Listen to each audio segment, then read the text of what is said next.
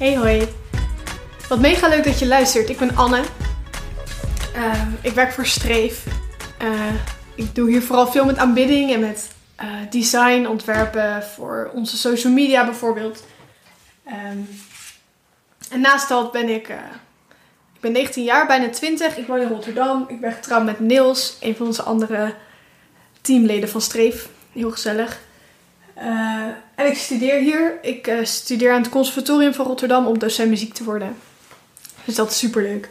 En vandaag wil ik het met jullie gaan hebben over um, een verhaal uit het Oude Testament. Ik wil het met jullie hebben over het verhaal van Elia die de berg op gaat.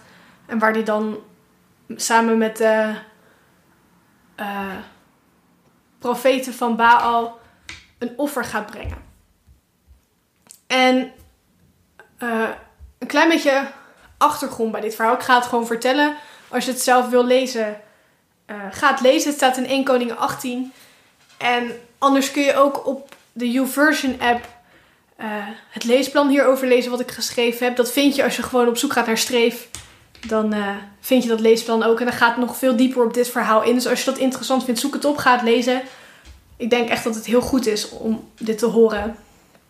Um, en dit verhaal was voor mij altijd ook gewoon een verhaal wat gewoon een beetje op afstand bleef, omdat het lang geleden gebeurd is en natuurlijk niet heel veel met onze leefwereld te maken heeft. Dus het was voor mij een beetje ver weg, dit verhaal. En op een dag was ik op vakantie en ik las het nog een keer. En het was echt alsof God soort van mijn ogen opende en zei van... Anne, dit wil ik je doorheen zeggen. Um, dus ik heb het opgeschreven en ik ga het nu aan jullie vertellen. Ik hoop dat je er wat aan hebt en ik bid dat je er wat aan hebt. Ja, en ik ga het dus niet helemaal lezen, want het is een lang stuk. Ik ga even vertellen wat er in het verhaal gebeurt. Um, in het land, Agab regeert in het land en er is een hele grote droogte. En dat komt doordat um, de Israëlieten waren gestopt met het vereren van God en ze waren begonnen met het vereren van afgoden, waaronder bijvoorbeeld Baal en Asherah. Dat waren twee grote goden in die tijd en zij vereerden hen. En God werd daar boos om. En als straf um, liet hij Elia naar de koning gaan. En Elia moest daar gaan vertellen dat het uh, droog zou worden, dat het niet meer zou regenen. Als straf. En uh, dit is natuurlijk super heftig voor zo'n land, want dat land. Er kwam geen groente meer op het land, geen gewassen meer. De dieren gingen dood. Uh, mensen hadden honger. Dus het was echt een noodsituatie in het land. Dat is een beetje achtergrond van het verhaal wat er gebeurde. En op een gegeven moment zegt God dan tegen Elia: Hij zegt: Elia, ga terug naar koning Agab. Uh, ik ga het weer laten regenen. Dus Elia gaat op weg. Ook al neemt hij daar heel veel risico mee. Want op dat moment stond er echt een soort prijs op het hoofd van Elia. Iedereen wilde hem doden, want iedereen dacht dat die honger door hem kwam. Dat het Elia's schuld was. Dus met gevaar voor eigen leven gaat Elia naar uh, koning Agab toe. En hij gaat daarheen en hij zegt tegen koning Agab: Agab, ik ben hier om jou te vertellen dat het weer gaat regenen. En Agab zegt: Elia, hoe durf je hier te komen? Het is allemaal jouw schuld dat het zo slecht gaat met het land en dat het zo slecht gaat met het hele volk. En wat Elia doet, hij wordt eigenlijk een beetje boos op Agab. En hij zegt, Agab, het is jouw schuld allemaal. Door jou zijn de mensen afgoden gaan vereren. Uh, door jullie ongeloof in mijn God is het zo lang droog geweest. Het was jullie straf. en dan zegt hij, oké, haal al je profeten, de profeten van Baal en de profeten van Asherah. Haal ze naar de berg Karmel. Ik ga er ook heen. En dan gaan we een soort duel aan.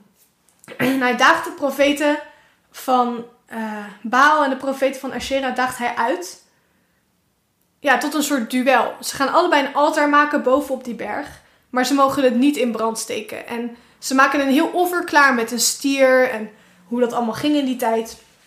En ze mogen niet in brand steken. En ze spreken af de God die voor het vuur gaat zorgen. Voor het altaar. Die het altaar in brand gaat steken. Die God is de echte God.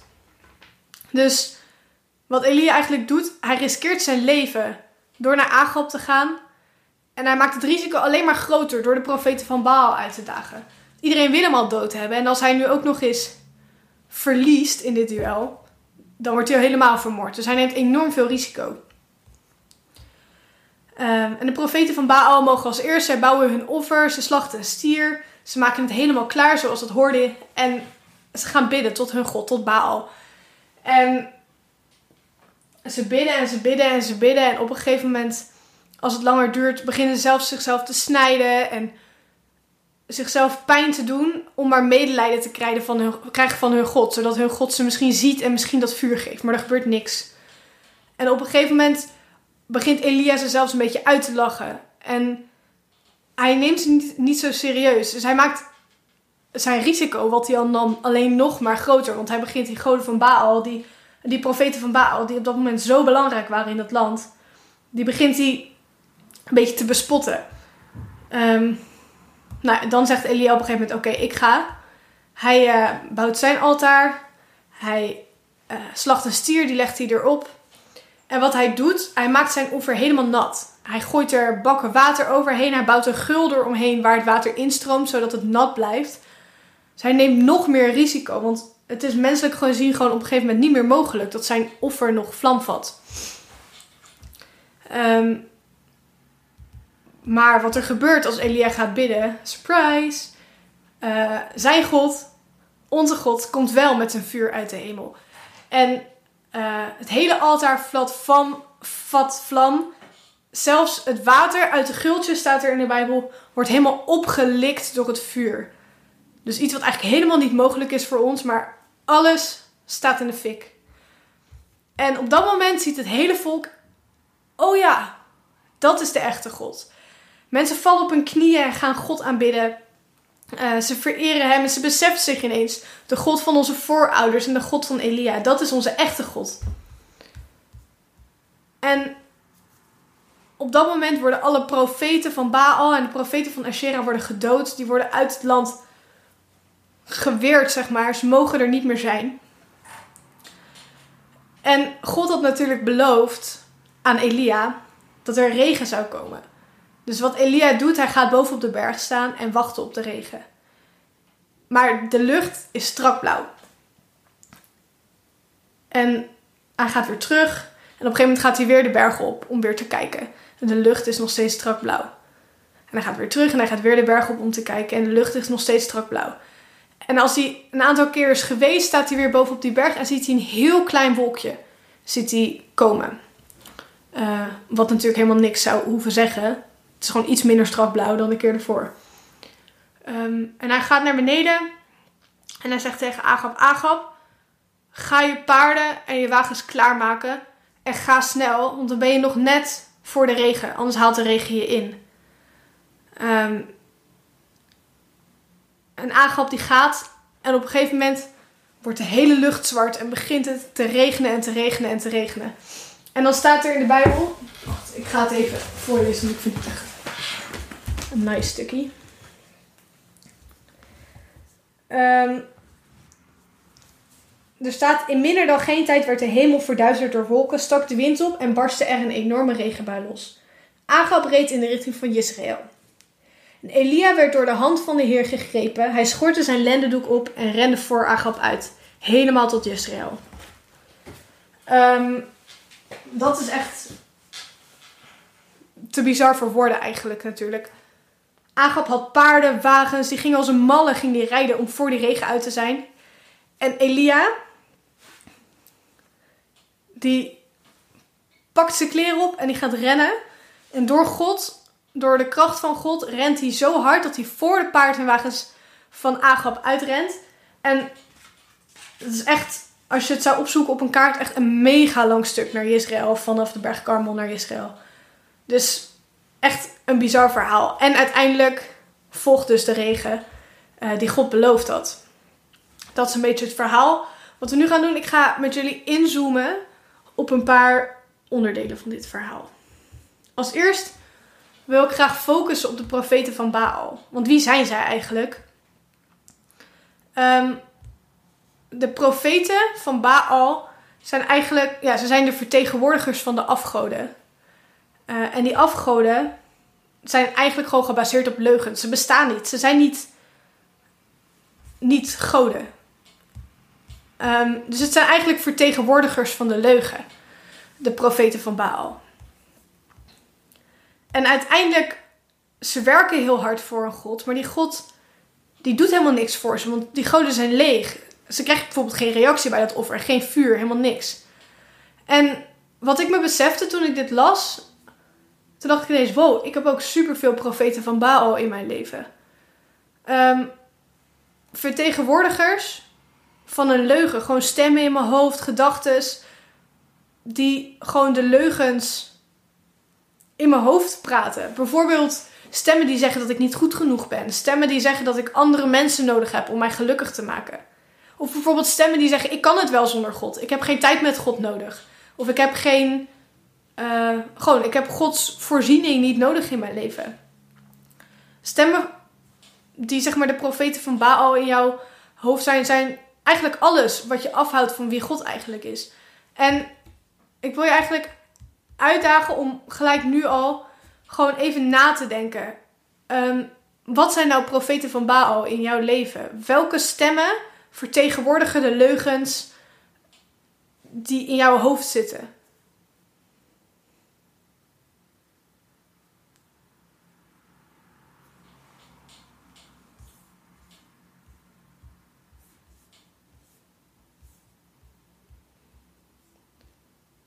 Oké, nou lang genoeg stilte. Als je er langer over wil nadenken, zet het dan even op pauze en denk er even wat langer over na. Want het is echt belangrijk om dit gewoon voor jezelf duidelijk te hebben. En die gaan we straks op verder. Een ander stukje van het verhaal is dat er dus droogte is. Er is hongersnood en droogte in het land. En als je om je heen kijkt in je leven nu, dan zie je daar waarschijnlijk ook heel erg veel van. Al is het misschien niet op dezelfde manier. Het is niet zo dat het hier niet regent.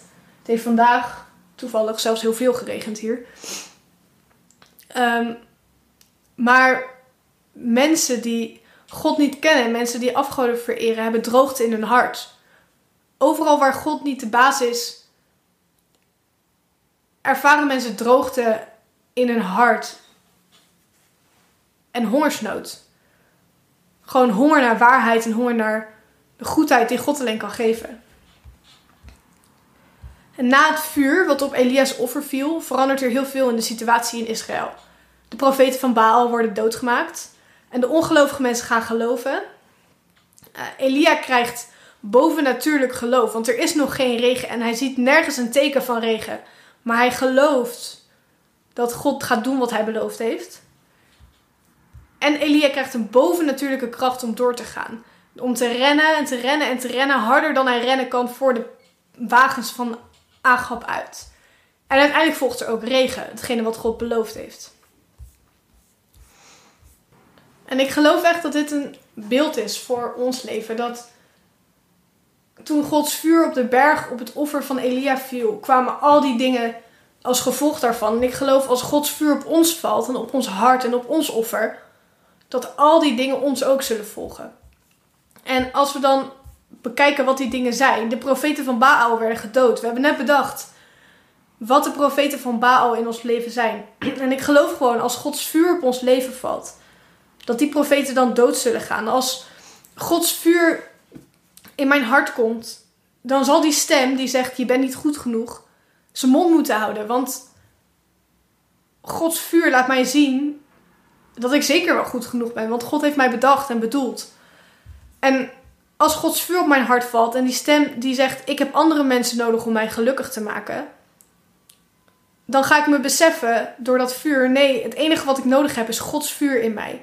En als God mij iedere dag weer aanvuurt dat is alles wat ik nodig heb om mij gelukkig te maken. En zo gaan alle profeten van Baal gedood worden op het moment dat Gods vuur op jouw leven valt.